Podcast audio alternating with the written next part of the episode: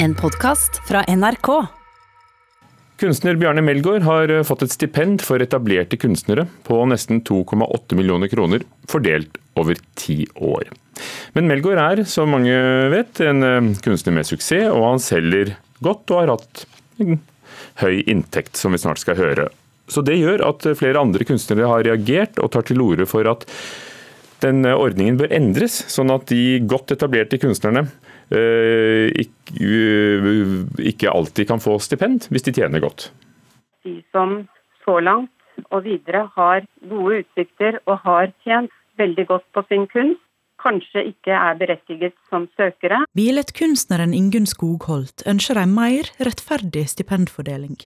Bjarne Melgaard hadde i fjor en inntekt på 6 millioner kroner. Likevel var han en av 27 av totalt 800 søkere som fikk tildelt stipend for etablerte kunstnere.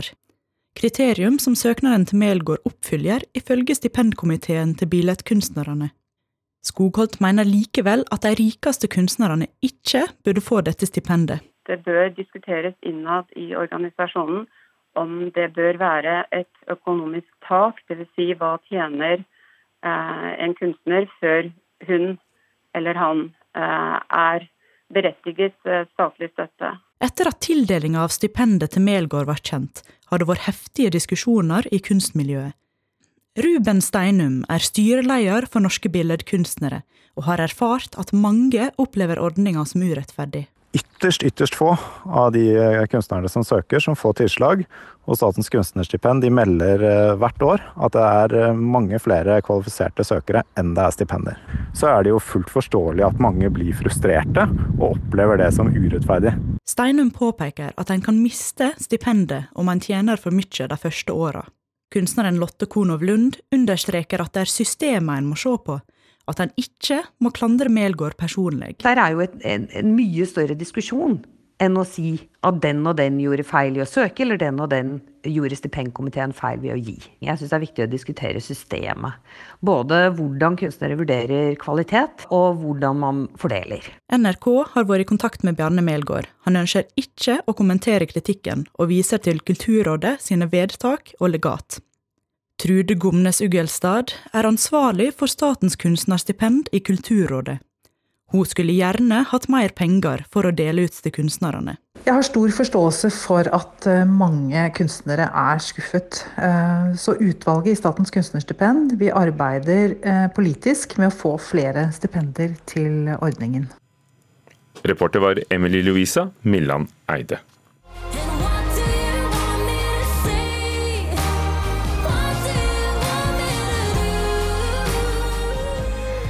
Ja, dette var vår egen Ulrikke Brandstorp, som jo skulle ha opptrådt i den internasjonale Melodi Grand Prix-finalen denne helga, men pga. koronaen så blei ikke det sangsirkuset mange hadde gleda seg til noe av. Isteden så ble det likevel en helt spesiell Eurovisjonshelg. Det tenkte jeg at vi skulle snakke litt mer om nå, med Morten eh, Thomassen, som jo er sjef for MGP-klubben, har vært fan siden 1971 og alltid har på seg fargerike klær når han er på TV, i hvert fall. Du, eh, du, skulle vært og hørt denne internasjonale finalen for 28. Eh, gang. Ja. Hvordan, hvis vi skrur tida litt tilbake, hvordan var det for deg da beskjeden kom at det måtte avlyses? Nå hadde de jo utsatt fotball-VM, som skulle være ca. en måned senere, noen dager i forveien, så man skjønte jo hvor det bar. men det er jo et sjokk. liksom. Det, det, er jo det årets høydepunkt for meg som Grand Prix-fan, som andre ting er høydepunkt for andre folk. Så det var et sjokk. Mm. Hvor mye betyr det uh, for Eurovision-fans det å samles og hylle dette showet? Altså, det er jo gøy å møte noen som har samme interesse som deg, uansett hva du liker. og det, ja, Vi møtes i et fellesskap, og dette har jo, favner jo hele Europa pluss Australia. altså det, Jeg har liksom familie i hele Europa, føler jeg. og I år så gikk jeg glipp av familiesammenkomsten vår. Men som erstatning så var det mange land som da hadde sine egne alternative sendinger, inkludert vi i eh, NRK. Og på fredag så kunne da norske seere stemme fram og kåre en vinner blant tolv utvalgte europeiske bidrag. Hvordan opplevde du det? Jeg syns det var en flott måte å hedre de beste bidragene i år. og jeg syns Island var en morsom vinner. Det er ikke akkurat min favoritt. Det er mer sånn eh, dårlig russerevy, spør du meg. Men eh, det må du få lov til å vinne med. Og det hadde vært gøy at et nytt land hadde vunnet Grand Prix, syns jeg. Vi kan høre litt på Island.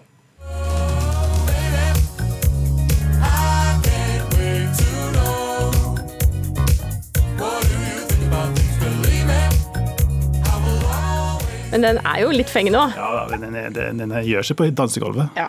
Og så På lørdag så var det sånn at Den europeiske kringkastingsunionen hadde sin alternative sending. Eh, konkurranseelementet var tatt bort, eh, og målet var da å hedre de 41 artistene som skulle deltatt.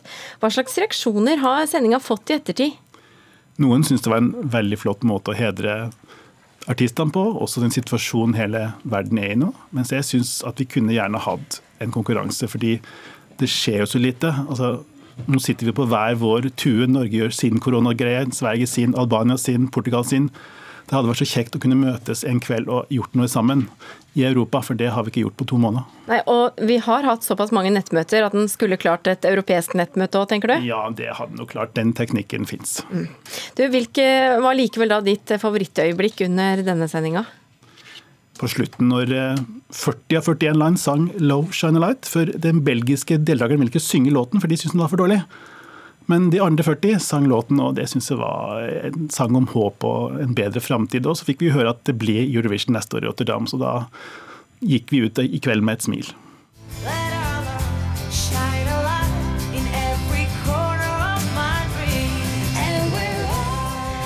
Ja, og dette med at det blir eh, neste år, eh, hva gleder du deg mest til? Eh, først og fremst til å finne ut hotellrom, for nå har jeg sjekka hotellprisene i Rotterdam, og de er ganske heftige. Så det blir jo interessant å finne noen plass å bo til neste år, men ellers så håper vi kan komme tilbake til normaliteten. At vi kan møtes, mange folk sammen, og nyte det vi liker å se på. Her må det spares? Antagelig.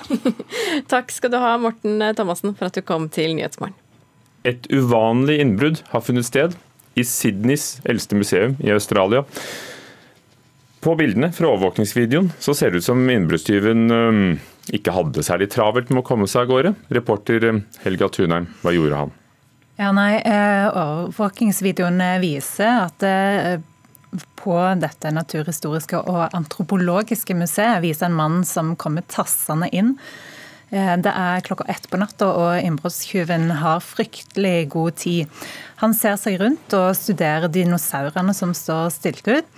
Eh, det ser ut som en helt ordinær gjest som er på museum, bare at han er helt alene. Så plutselig så tar han fram eh, mobilen og begynner å ta bilder av fossilene. Han går tett innpå, tar selfie sammen med et skjelett av en T-rex. Eh, og i 40 minutter så går han rundt og studerer og tar bilder med mobilen, ifølge The Guardian. Så hadde det vært vanlige åpningstider, så hadde han vært drømmepublikummeren. Men hva var han ute etter? Nei, det er ikke godt å vite, men ifølge politiet i New South Wales eh, så skal mannen ha fått med seg et maleri. Eh, og i forbifarten så røska han med seg en cowboyhatt som hang på et klesstativ. Den skal, skal ha tilhørt en av de ansatte på museet. Dette skjedde i forrige helg. Er, eh, er mannen pågrepet? Ja, Påfølgende dag så var det spekulasjoner i australsk presse om det kunne være en del av en film, dette, men dette avkrefta politiet på en pressekonferanse. Innbruddstyven meldte seg til politiet samme ettermiddag om å nå møte i retten for innbrudd. Og Museet har vært stengt for oppussing siden august, og ville kanskje vært stengt nå uansett. Eh, Helga Tunheim, takk skal du ha. Eh, da fikk de i hvert fall litt publisitet. Kanskje det var et PR-stunt? Kanskje det. Hvem vet. Nå skal vi til TV-skjermen TV og de franske spionene i serien La Bureau. Før helga så blei siste episode i den femte sesongen sendt. Her er en smakebit. Il y en a certains à la boîte qui persistent à penser que ton bilan est globalement positif. T'en penses quoi Faudrait d'abord quand même évaluer le champ de tout ce que t'as compromis que t'as livré à la CIA, ce que t'as livré aux Russes. Ja, Spionsjangerens aller beste TV-serie de siste åra, det skriver du, serieanmelder i NRK Sigurd eh, Vik, om altså Le Bureau. Hvorfor er denne serien så bra, syns du? Det er flere grunner. For det første så er det jo en veldig spennende spionserie, men den har vært brennaktuell. Den har klart å ha problemstillinger fra Midtøsten, Russland, den har tatt opp hacking og, og deepfakes, og liksom sørga for at vi hele tida føler at det her er noe som er relevant, og, og, som vi får innsikt i. Den har en veldig sober stil som gjør at skuespillerne får stå veldig i fokus, og det er glitrende skuespillere her. Og så er det jo en troverdighet som kommer av at eh, serieskaper Erik Rochant har hadde veldig god tilgang på DGSE, eh, altså den franske etterretninga. Han har fått lov til å filme eksteriørscener derfra. Eh, han har møtt dem, han har gjort research. De bruker visstnok en av hans tidligere filmer som litt sånn spionopplæring sjøl. Og i et intervju med Dagens Næringsliv i 2018 så sier han at det er 50% research, 40% fantasi og 10% info fra etterretningen da, som skal ligge bak manuset til denne serien. Det høres ut som en suksessoppskrift, akkurat det. Men hva vet vi om framtida? Kommer det flere sesonger? Eh, det er litt usikkert. altså Da NRK satte i gang med siste, den femte sesongen, nå, så var det omtalt som den siste sesongen. og Det skal være siste sesongen til Erik Rochant, men bransjebladet Variety skriver at det er mulig at det blir flere sesonger, men da ikke med Rochant som uh, showrunner, som de kaller det på engelsk. Altså den som står bak og passer på det hele, men da som eventuelt produsent. Men det er usikkert, uh, det vi vet så langt. Mm. De som ikke har sett serien, fikk kanskje litt sånn ekstra lyst nå. Men for de som da kanskje føler at eh, det er et tomrom når denne da serien i hvert fall foreløpig er over, eh, hvilke andre spionserier kan du anbefale? Nei, eh, det er jo mange gode der ute. Det har vært en sjanger som har hatt veldig gode kår på TV de siste årene. og En av mine absolutt favoritter den foregår på 80-tallet og den kalde krigen, hvor russiske spioner er å finne i USA, og den heter da The Americans. Og så er det også en serie du har på lista som eh, tar oss tilbake til 2001. Ja, eh, basert på en Pulitzer-vinnende bok så er The Looming Tower en serie som handler om eh, etterretninga i USA i forkant av terrorangrepene mot tvillingtårnene i New York i 2001. og Den ser også på dannelsen av Al Qaida. Boka, som absolutt er å anbefale, eh, den er skrevet ja, Nå husker ikke jeg navnet på forfatter, beklager det. Men den handler veldig mye om hvilke tilfeldigheter det var som, som sto bak det her. Men serien er mer opptatt av etterretningskrangelen mellom om FBI og CIA, fordi de delte ikke nødvendigvis all informasjonen i forkant, og det kan ha vært en medvirkende årsak til at det gikk som det gikk, da. Mm. Og Hvis vi da holder oss til amerikansk etterretning, så er det jo en serie som også nylig viste sin siste episode, nemlig Homeland. Hvorfor er den så bra? Det er, eh, det er, jo liksom den store popkorngleden her. Den starta jo med to gnistrende gode sesonger som handla om hva skjer hvis en av våre egne har skifta side, og var jo basert på en israelsk serie som het Prisoners of War. Eh, kan også anbefales på det varmeste.